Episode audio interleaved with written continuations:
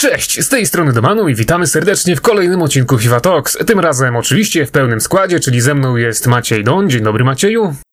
Witam, witam. Oraz Krzysio Lenarczyk. Cześć. Dzień dobry, cześć. Na wstępie chciałbym zaznaczyć bardzo szybkim strzałem, że poznaliśmy datę EA Play, który odbędzie się 11 czerwca, a tam dostaniemy jakieś pierwsze informacje o FIFA 21, więc wszystko idzie swoim torem. No oczywiście ta impreza pewnie nie będzie przeprowadzona z takim rozmachem jak zawsze, ale te informacje o nowej odsłonie będą pomalutku wypływać, tak jak ma to miejsce co roku, więc z niecierpliwością czekamy na tę datę. Ale tematem przewodnim dzisiejszego odcinka, tym co przez ostatni tydzień najbardziej poruszyło naszą społeczność jest moim zdaniem bez wątpienia Food Champions, na które to narzekała chyba rekordowa liczba graczy. Nie ukrywam, że ja ponieważ interesuję się tylko i wyłącznie kartami Optimus, już nie za bardzo liczę na te nagrody i nie jest mi to do niczego potrzebne. Pograłem troszeczkę na siłę Maćkowi Food Champions, żeby wbić chociażby tego Golda 2, za które dostanie on lepsze karty, no ale ta gra do przyjemnych nie należała. Czy wy panowie także mieliście jakieś nieprzyjemne odczucia związane z grą w ten weekend?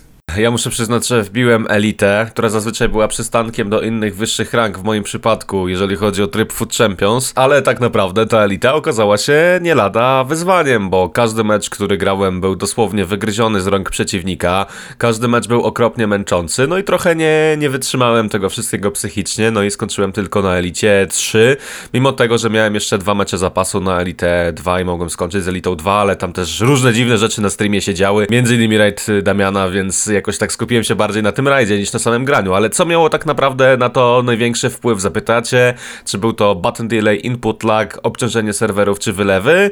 No moim zdaniem wszystko po trochu, ale tak naprawdę największym czynnikiem sprawiającym trudność w tym Food Champions, który miał największy wpływ, byli sami gracze, którzy grali w bardzo frustrujący sposób. Tak naprawdę sami gracze spowodowali, że ten weekend był najtrudniejszym weekendem e, podczas trwania całej FIFA 20, bo ja doskonale rozumiem chęć wygrywania, rozumiem to, że FIFA 20 nie pozwala na jakieś ekwilibrystyczne zagrania. Rozumiem, że można tryhardować i tryhardować. Rozumiem to, że zrobi się wszystko, żeby wygrać. Rozumiem też, że wielu z was się z tym nie zgodzi, bo niektórzy tryhardowanie takie bardzo negatywne uznają za coś pozytywnego. Natomiast ja nie rozumiem, dlaczego przeciwnicy przy wyniku 1-0 potrafili stać od 45 minuty w narożniku do samego końca spotkania.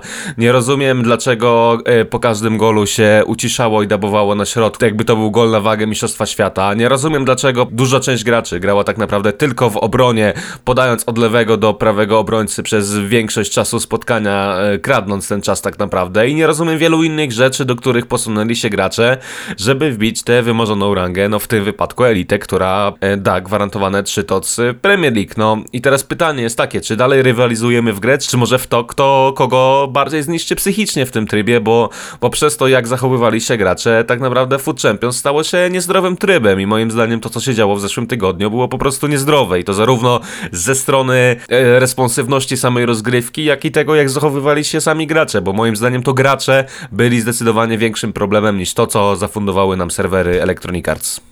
Ale to, co powiedziałeś, to wynika właśnie w głównej mierze z tego, że no, dostaliśmy prawdopodobnie najlepszy, najlepszą drużynę Team of the Season z Premier League w historii. I myślę też, że te pozostałe ligi, jak hiszpańska, włoska, niemiecka czy francuska, one nie pobiją tego, co EA nam pokazało w ubiegły piątek. Więc no, w tym tygodniu, w ubiegłym, w ubiegły weekend, ta gra naprawdę była warta świeczki, bo tutaj naprawdę ciężko będzie trafić coś, coś, coś gorszego. Wiadomo, jest, jest Dean Henderson, jest ten Allison, ale nawet taki Sojunczu to jest naprawdę przyzwoita karta, którą można tam już wykręcić naprawdę niezły wynik, która zestawiona chociażby z jakimś Van Dijkiem zwykłym, to już jest naprawdę e, solidny duet w tej obronie. Ale wracając jeszcze do tego Food Champions, to ja nie pamiętam, kiedy zagrałem tak mało meczów, bo tak jak Dominik powiedział, on w tym w ubiegły weekend właśnie odwalił kawał roboty większy kawał roboty. Ja po prostu tylko gdzieś tam dobiłem ten Gold 2 kilka meczów, ale nie pamiętam też, kiedy ostatni raz miałem opóźnienia i opóźnienia w tym sensie, że zawodnicy reagowali na to, co ja przyciskam na padzie po jakiejś sekundzie. Przypominam sobie, że coś takiego miało ostatni raz miejsce, chyba w FIFA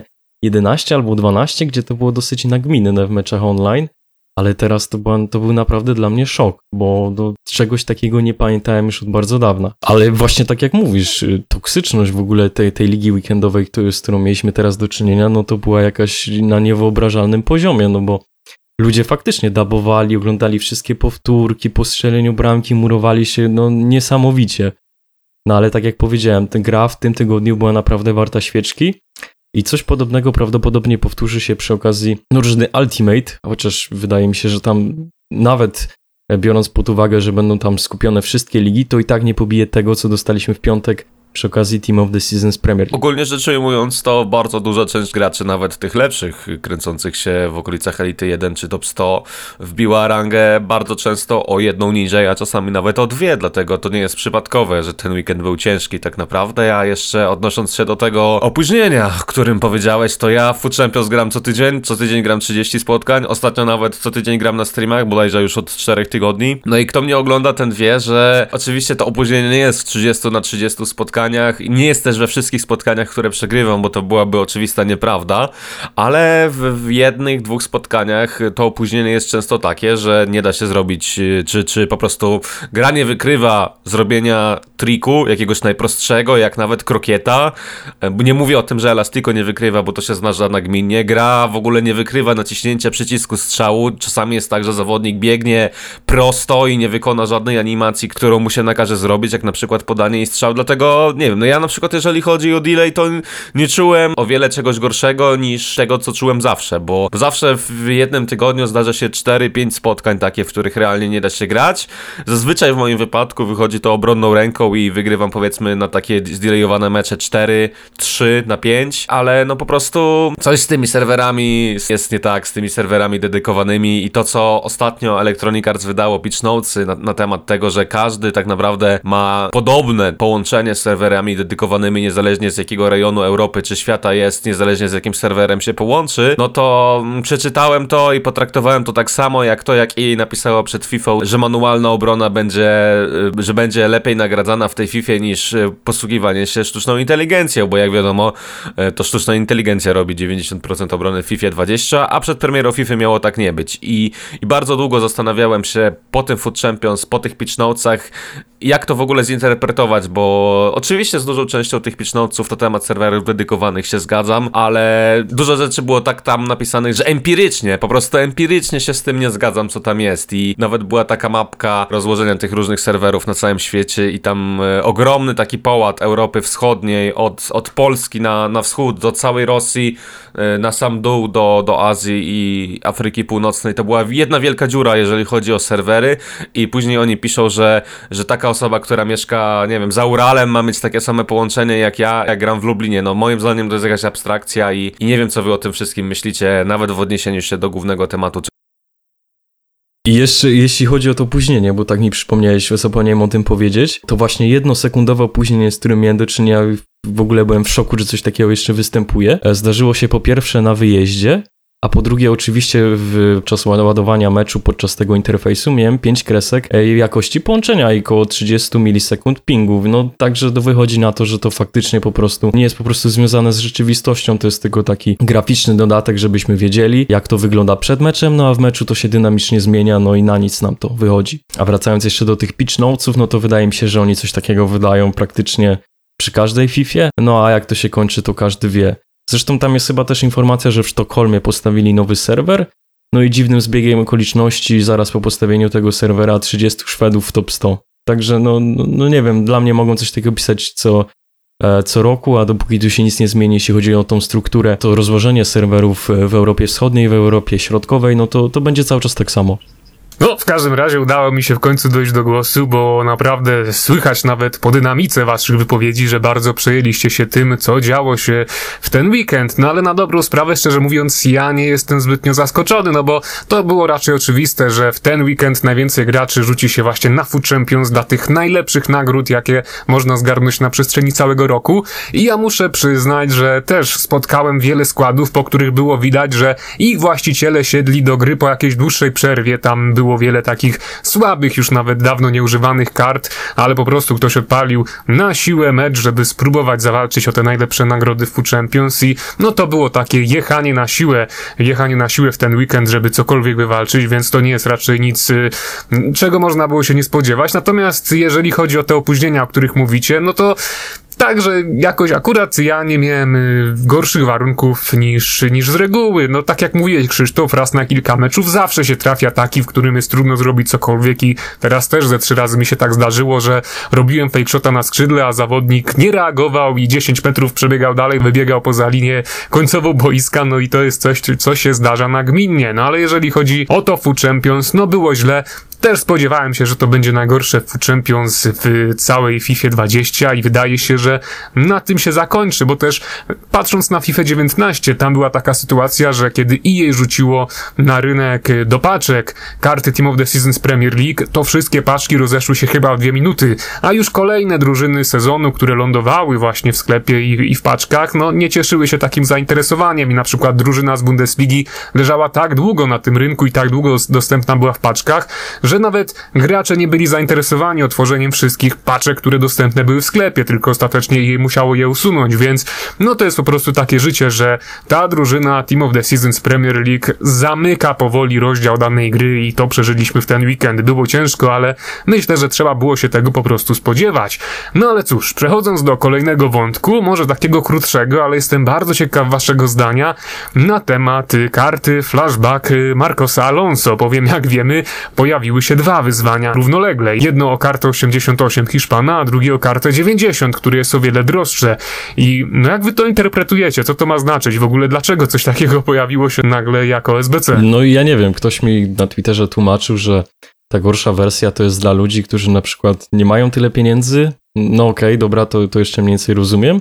Albo dla tych, którzy chcą ją zrobić z sentymentu. No ale po pierwsze, kto robi Marcosa Alonso z sentymentu, a po drugie, no to jeśli już bym był na miejscu takiej osoby, no to wybrałbym tą lepszą wersję. No bo różnica w statystykach między tymi dwoma, między tą 88 a 90, to jest, są, moim zdaniem jest gigantyczna, no bo tutaj mówimy o aż 8 punktach tempa, czy chociażby, no nawet, nawet dribbling się różni o 5 punktów, podania tutaj z tego co widzę też o 5 punktów, no więc mimo wszystko nawet gdyby mnie nie było stać, to wolałbym sobie, nie wiem, chwilkę pogrindować, zagrać jakieś Food Champions, Division Rivals czy Squad Batters i dozbierać te, te, nie wiem ile tam, jaka to jest różnica cenowa, ale podejrzewam, że no dosyć niewielka patrząc na to, jak teraz wygląda rynek. No i wracając do mojej myśli, to po prostu dozbierałbym sobie na tę lepszą kartę, no bo po co wybierać tą gorszą. Ale tak mi się wydaje, że też ta z, z overallem 90 karta Hiszpana, no to też nie jest jakaś taka niesamowita, na pewno nie będzie robić y, szału, tak jak to miało miejsce rok temu, kiedy dostał kartę Road to the Final. Koniec końców, no nie rozumiem tego typu koncepcji. Jeszcze bym to jakoś pojął, gdyby ta gorsza wersja była na przykład na pozycji środkowego obrońcy. Wtedy to by było dosyć spoko, no bo nie musielibyśmy się bawić w przestawianie, moglibyśmy go też rzucić gdzieś tam na defensywnego pomocnika no i miałby to mniejsze tempo, co by też to tłumaczyło. Ale w takim wypadku, no nie wiem, no to, to dochodzimy chyba do tego, że za tydzień dostaniemy, no nie wiem, dwie różne karty, e, na przykład Łukasza Piszczka we flashbacku, no to teraz strzelam, tak, bo on już miał tego flashbacka, no ale no to, jedna gorsza, druga lepsza, no i którą tutaj zrobić? No wiadomo, że większość z nas pójdzie po tę lepszą. W ogóle nie zauważyłem, żeby ktoś na Twitterze zrobił tą gorszą. Więc no, no nie wiem, no, dla mnie trochę bez sensu.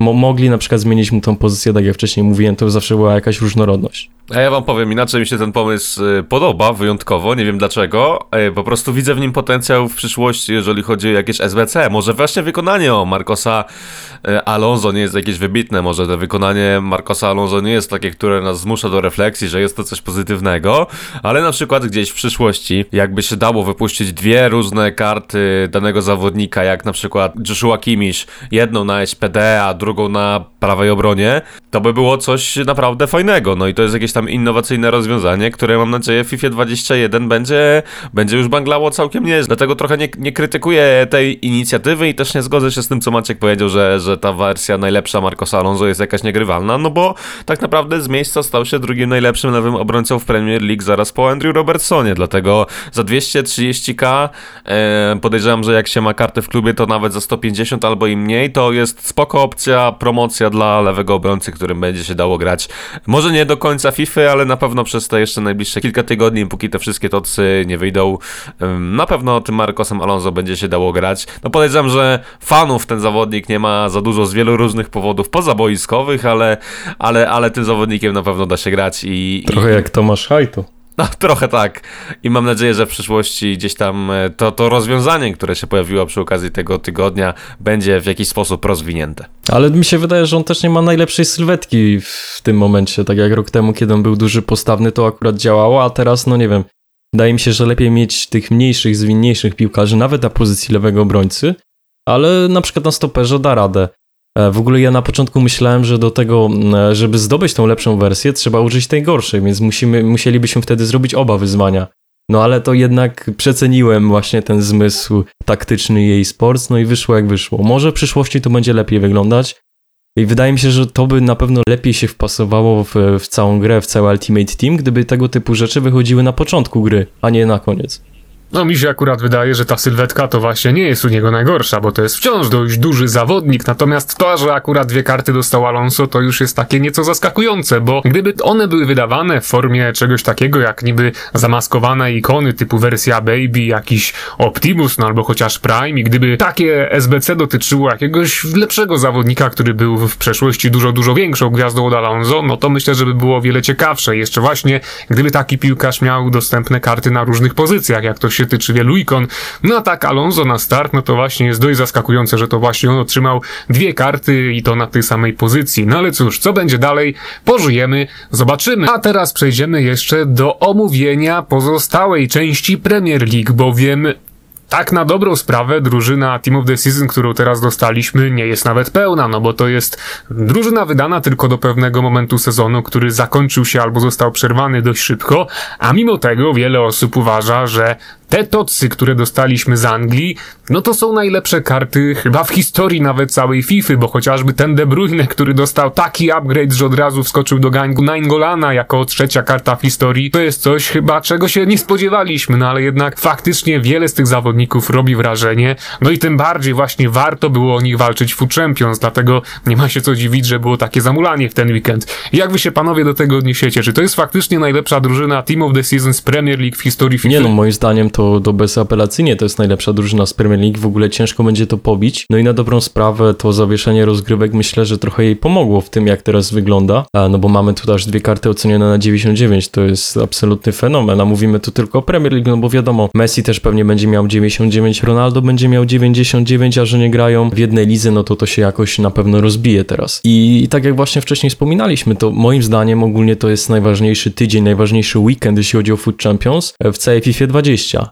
Tutaj nic już lepszego nie będzie. Myślę nawet, że w tej właśnie drużynie Ultimate to nie, nie pobije tego nawet ten Messi, Ronaldo, który tam będzie, no bo jakoś to zrównoważą te gorsze karty z, z Ligi Francuskiej, Niemieckiej i tak dalej, i tak dalej. Wydaje mi się też, że w tej drużynie nie ma słabego punktu, naprawdę, bo nawet jak spojrzymy na tego Dina Hendersona, o którym zresztą rozmawialiśmy chyba dwa tygodnie temu, to on z tego właśnie, co Krzysiek mówił, z tego co ja pamiętam, to on ma bardzo dużo tych statystyk, e, inaczej nie statystyk, a cech bramkarskich, które no na pewno go windują gdzieś tam wyżej od chociażby Połpa urodzin urodzinowego. Więc to też może być taka ukryta, no i dosyć tania, bo wiem, że to jest kwestia około 30-40 tysięcy monet. Opcja na bramkę, która na przykład zgra nam, nie wiem, Walkera na CBK, czy tam jakiegoś Ferdinanda, coś, coś ten deseń. E, no i co tu więcej dodać? De Bruyne na swojej karcie ma na przykład więcej e, obrony niż Sojunczu, którym właśnie mówiliśmy wcześniej, też jest bardzo dobrym wyborem na środek obrony i ma bardzo dobrze zrównoważone te statystyki, jeśli chodzi o szybkość biegu i przyspieszenie, więc tutaj nie będzie jakichś anomalii, jak w przypadku na przykład Ogbony. No a poza tym, no co tu więcej można dodać? Naprawdę, naprawdę świetne karty. Jest nawet One Bissaka, którego się no nie spodziewałem. Powinien tu być chyba Ricardo Pereira z Leicester, ale też nie będę narzekać.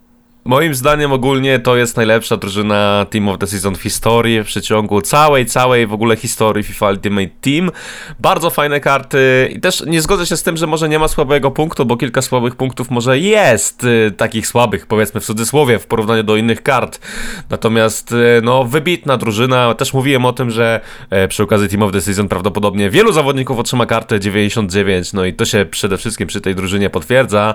No a tak naprawdę nie ma jakby miał powiedzieć, że czy jest jakiś zawodnik, którego bardzo nie chciałbym trafić za wszelką cenę, tak po prostu z paczki, to nie ma takiego zawodnika. Nawet Sojunciu Anderson, no każda, każda karta jest naprawdę grywalna i to chyba nawet nie jest zaskakujące już, że właśnie przy okazji Team of the Season so far taką drużynę otrzymaliśmy. No wybitne karty, wybitne karty, no i krótko mówiąc to każdy szczęśliwiec, który bił minimum Golda 2 trafi minimum jedną grywalną kartę, która będzie mu służyć do końca FIFA i tak naprawdę. Ja chyba najbardziej pozytywnie jestem zaskoczony tym Kowaciciem Tocem, który z pozoru e, z, z, z, daleka nie wydaje się jakoś wybitną kartą, ale jak już się nim zagra, to okazuje się, że jest to karta no, na granicy wybitności w mecie. Kręci się po prostu jak jajo w wiadrze, bardzo dobra gra w obronie, świetne tempo, świetne podania, całkiem niezła fizyczność, dobra sylwetka do gry, no i wydaje się, że takich ukrytych bestii jak Kowacic jeszcze przy okazji Team of the Season so far może być jeszcze więcej, a warto wspomnieć, zrozumieć, że, że Kowacic kosztuje tylko 165k. A jakbym miał wskazać jedną kartę, która całościowo może przyćmić potężną drużynę Team of the Season so far z Premier League, to na pewno będzie to Wissam Ben Yedder wersji TOTS, bo ten zawodnik jak już wyjdzie stanie się z miejsca najlepszym napastnikiem w grze i mówię to wam ja, pan Jerząbek, więc y, jeżeli ja tak mówię, to na pewno tak będzie. Czekajcie na Ben Yeddera, on przyćmi drużynę Premier League i chyba tylko on jest w stanie to zrobić. I myślę, że tu jeszcze warto dodać taką ciekawostkę, a w zasadzie usprawnienie, które jej wprowadziło, bo chociażby e, Adama Traore dostał dodatkową gwiazdkę słabszej nogi, to samo Jamie Vardy, a na przykład Aubameyang w wersji Team of the Season so far dostał nowe pracowitości z medium low na high low, więc to też jednak coś jej zmienia w tych, tej kwestii, więc możemy się spodziewać też tego typu ulepszania w przyszłości w trakcie tego eventu.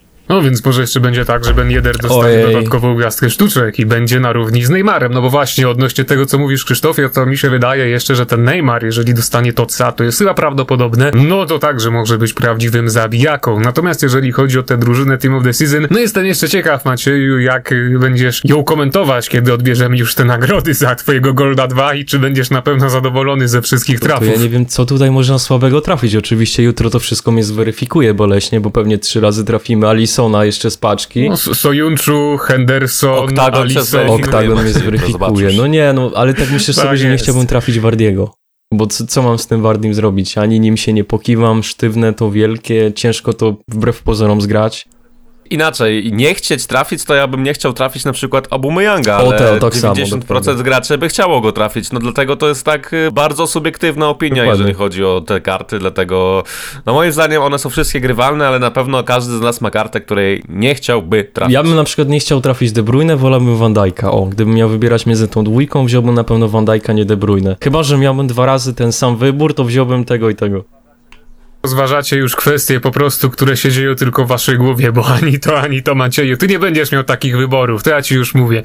To ci się nie stanie, także spokojnie czekaj na swojego Alisona albo ewentualnie Wardiego i to będzie coś, na co możesz liczyć. No ale cóż, na zakończenie Krzysztofie powiedz nam jeszcze, jaki hashtag Tox przygotowałeś. A przechodząc do hashtag Tox, y, warto wspomnieć, że ta inicjatywa znowu cieszy się dużą popularnością, co nas osobiście bardzo cieszy i z tego miejsca wszystkim zostawiającym hashtag Tox dziękujemy, przypominamy i zachęcamy do zostawiania hashtag Tox, bo y, jak wspomnieliśmy już do końca tego sezonu, minimum jeden temat pojawi się w każdym odcinku. Autorem dzisiejszego hashtag Tox jest Piotr Paradowski, a jego komentarz brzmiał tak. Chciałem poruszyć kwestię ikon, ale tych mało grywalnych. Co jej powinno z nimi zrobić? Mam na myśli te totalnie bezużyteczne, jak Inzagi czy Vieri. Może powinni się ich pozbyć, bo one nie wnoszą niczego poza trollowaniem czy zapychaniem trafów z paczek gwarantowanych. Oczywiście, nie kwestionuję tutaj ich umiejętności na prawdziwym boisku, mam na myśli tylko i wyłącznie grę FIFA. A może powinni je jakoś ulepszyć? Tylko jak? Co sądzicie? Czy może uważacie, że dobrze, żeby takie karty były w grze? No i to jest bardzo ciekawy, ciekawy temat, który zresztą chciałem poruszyć ostatnio nawet na kartomanii i być może nawet to zrobię w jakimś szerszym świetle.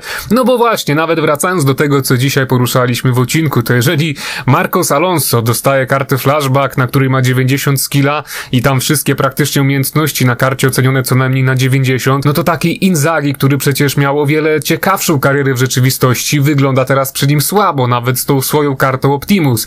Więc skoro EA wydaje takim powiedzmy nawet przeciętnym w skali globalnej zawodnikom bardzo dobre karty z rozmaitych dziwnych okazji, albo czasem tak po prostu, bo mi się widzi, bo jest Halloween, albo jak, jakiś taki podobny event, no to wydaje mi się, że gdyby takiemu Inzagiemu albo Pujolowi przypakowali nieco tempem, którym może oni się tak nie wyznaczali, nie chwalili w rzeczywistości, to by się nic nie stało. Tak samo, jeżeli tym niektórym mniej zwinnym ikonom, no bo przecież wiemy, że FIFA 20 zwinność jest bardzo ważna, więc gdyby takim mniej zwinnym ikonom jak Drogba także i jej podniosło troszeczkę tę statystykę, żebyśmy się mogli nimi pokręcić, to myślę, że nic złego by się nie stało i wydaje mi się, że tutaj najlepszym rozwiązaniem jest po prostu jakieś załamanie tych statystyk w taki sposób, żeby każda ikona czymś się wyróżniała, albo żeby każda z nich miała przynajmniej jedną kartę, którą faktycznie można byłoby coś działać, a nie, że mamy Inzagiego, który na Optimusie ma 82 tempa i no się naprawdę do niczego nie nadaje, więc ja bym tutaj, skoro ta gra jest taka nierealistyczna w tym przyznawaniu statystyk, ja bym tutaj już poszedł w stronę nierealistyczną także w przypadku ikon i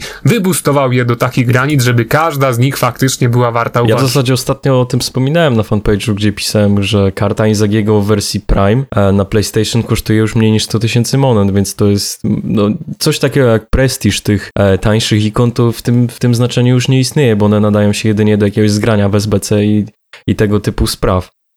Nie wiem, jak z, tego, jak z tego ładnie wybrnąć. No, być może powrót do jednej wersji ikony, a nie czterech, to jest dobre rozwiązanie. Być może to jakoś podwyższyłoby ich znaczenie, nie tylko w, w SBC. No, ale tak jak mówicie, no chyba fak faktycznie wypada je traktować przez EA tak jakby był to maj e, i wypuszczać e, te, te ikony z takimi statystykami właśnie majowymi, które mogłyby się później zbliżyć do tych toców, które w przyszłości pojawią się w grze. Myślę, że to by było takie, no chyba najrozsądniejsze wyjście, no nie obyłoby się też właśnie bez negatywnych skutków tego typu rozwiązań. Także no, no ciężko też mi tak mówić, bo przyzwyczailiśmy się do tego, no, że są ikony lepsze i są ikony gorsze, więc z drugiej strony traktowanie, nie wiem, Laudrupa na równi z Cruyffem, to to też może nie jest najlepsze wyjście, no ale na pewno jakieś jest.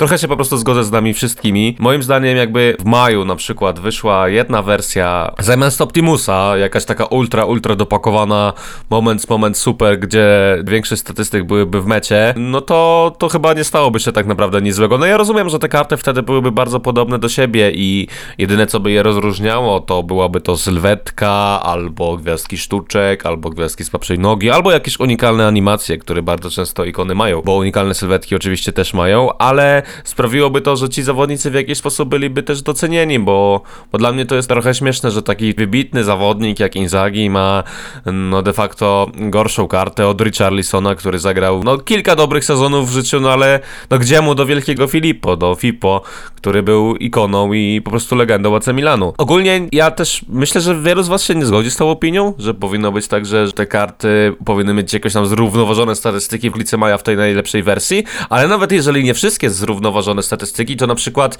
jedną kluczową dla danej karty. Czyli na przykład jeżeli Drogba na Optimusie ma słaby dribbling, to podbić mu dribbling. Jeżeli na przykład Inzaghi ma słabe tempo i dribbling, to podbić mu jedną z tych dwóch, które uznawane są za kluczowe. Coś na zasadzie eventu urodzinowego, gdzie podbijaliśmy gwiazdki sztuczek lub słabszej nogi, że jedną wybraną statystykę, która najbardziej kuleje na daną pozycję, podbijamy danej ikonie na tej najlepszej wersji, która potencjalnie wyszłaby w maju. Myślę, że to rozwiązanie byłoby najbardziej logiczne, nie krzywdzące dla wielu zawodników, a przy okazji nobilitujące dla tych, no legend tak naprawdę, bo, bo wielu z nas do dzisiaj ma tych zawodników w sercu. A jak tak właśnie mówisz, przeglądam sobie Twittera i zobaczyłem teraz takie zdjęcie, gdzie chyba, nie, nie pamiętam, która to jest FIFA, chyba 15 albo 14, gdzie Inzaghi na ikonie ma wszystkie statystyki na karcie gorsze bądź równe od Welbecka, od zwykłej karty danego Welbecka z Arsenalu. Przyszedł mi do głowy taki pomysł, taka koncepcja, żeby potraktować te ikony coś na wzór ewolucji z Pokémonów, że kupujemy wersję tą najgorszą Baby w jakiś sposób upgrade'ujemy ją do wersji Medium, e, Prime i później nawet do Optimus, czy to było za na przykład na podstawie jakichś wyzwań czy SBC, no ale to na pewno na przykład podniosłoby cenę tych Icon Baby typu Inzagi, bo na pewno poszybowałaby w górę, jeśli każdy gracz by miał w głowie tą myśl, że można z niej zrobić jakąś dużo, dużo lepszą wersję. No, no nie wiem, taki szybki, luźny pomysł. Myślę, że to by było naprawdę spoko. No, to o czym mówił Maciek też chodziło mi po głowie, ale no ja myślę, że takim najprostszym rozwiązaniem po prostu powinno być, że ikony wersji Optimus powinny mieć kluczowe statystyki oceniane od pewnego poziomu, czyli na przykład niech ci środkowi obrońcy wszyscy mają co najmniej 80 tempa. Niech taki ogólnie uważany za wolnego Nesta ma te 80 tempa, a szybsi obrońcy no niech po prostu się wyróżniają bardziej tym pace'em i wtedy niech Ferdinand ma go 88. No przez to ten Ferdinand także będzie realnie szybszy jak miał to miejsce w rzeczywistości, ale taki Nesta z 80 tempa, no to już nie będzie totalny placek. Tak samo niech każdy napastnik czy skrzydłowy ma co najmniej 90 tempa na tym Optimusie, bo ten Inzaghi, jaki on jest, jakie on ma problemy z dribblingiem i tak dalej, i tak dalej, gdyby miał 90 tempa, na pewno byłby o wiele częściej używany przez graczy, już by nie był rozpatrywany w kontekście takiego placka totalnego, więc myślę, że po prostu parę zakłamać statystyk i te Optimusy byłyby całkiem grywalne i ogólnie ikony grywalne od początku do samego końca. Bo jeżeli chodzi o te podstawowe karty, karty, tak jak jej zrobiło to w tym roku, że na początku startujemy z wersją Baby średnią, później wychodzi Prime i tak dalej, to jest nawet w porządku, no bo przecież do grudnia to jeszcze nikt nie ma, ani w grze nie ma żadnych wybitnych kart, więc no tam można wtedy pograć nawet jakąś średnią wersję Henry'ego i to jest zawodnik, który robi wielką różnicę w grze. No ale z czasem, kiedy wychodzi coraz więcej kart, że tak powiem, od czapy, no to faktycznie by się przydało, żeby te Optimusy nie dość, że wyszły jeszcze na wyższy poziom, to żeby one ten poziom trzymały do samego końca, a nie, że teraz wyszły karty TOC więc niebawem będzie ich jeszcze więcej i okaże się, że poza tymi topowymi Optimusami, jak Henry, jak Ronaldo, Cruyff itd. itp., no to już tutaj niewiele zostanie, czym moglibyśmy grać na poważnie, więc no cóż, no mam nadzieję, że jej coś zmieni także w przyszłym roku, bo no te karty niestety dalej nie są tak dobre w wielu przypadkach, jak powinny być. Dziękujemy Piotrowi za zostawienie e, komentarza. Zachęcamy do zostawienia komentarzy pod tym odcinkiem, a także pod innymi odcinkami w przyszłości. A na dziś to tyle. Do usłyszenia wkrótce. Cześć!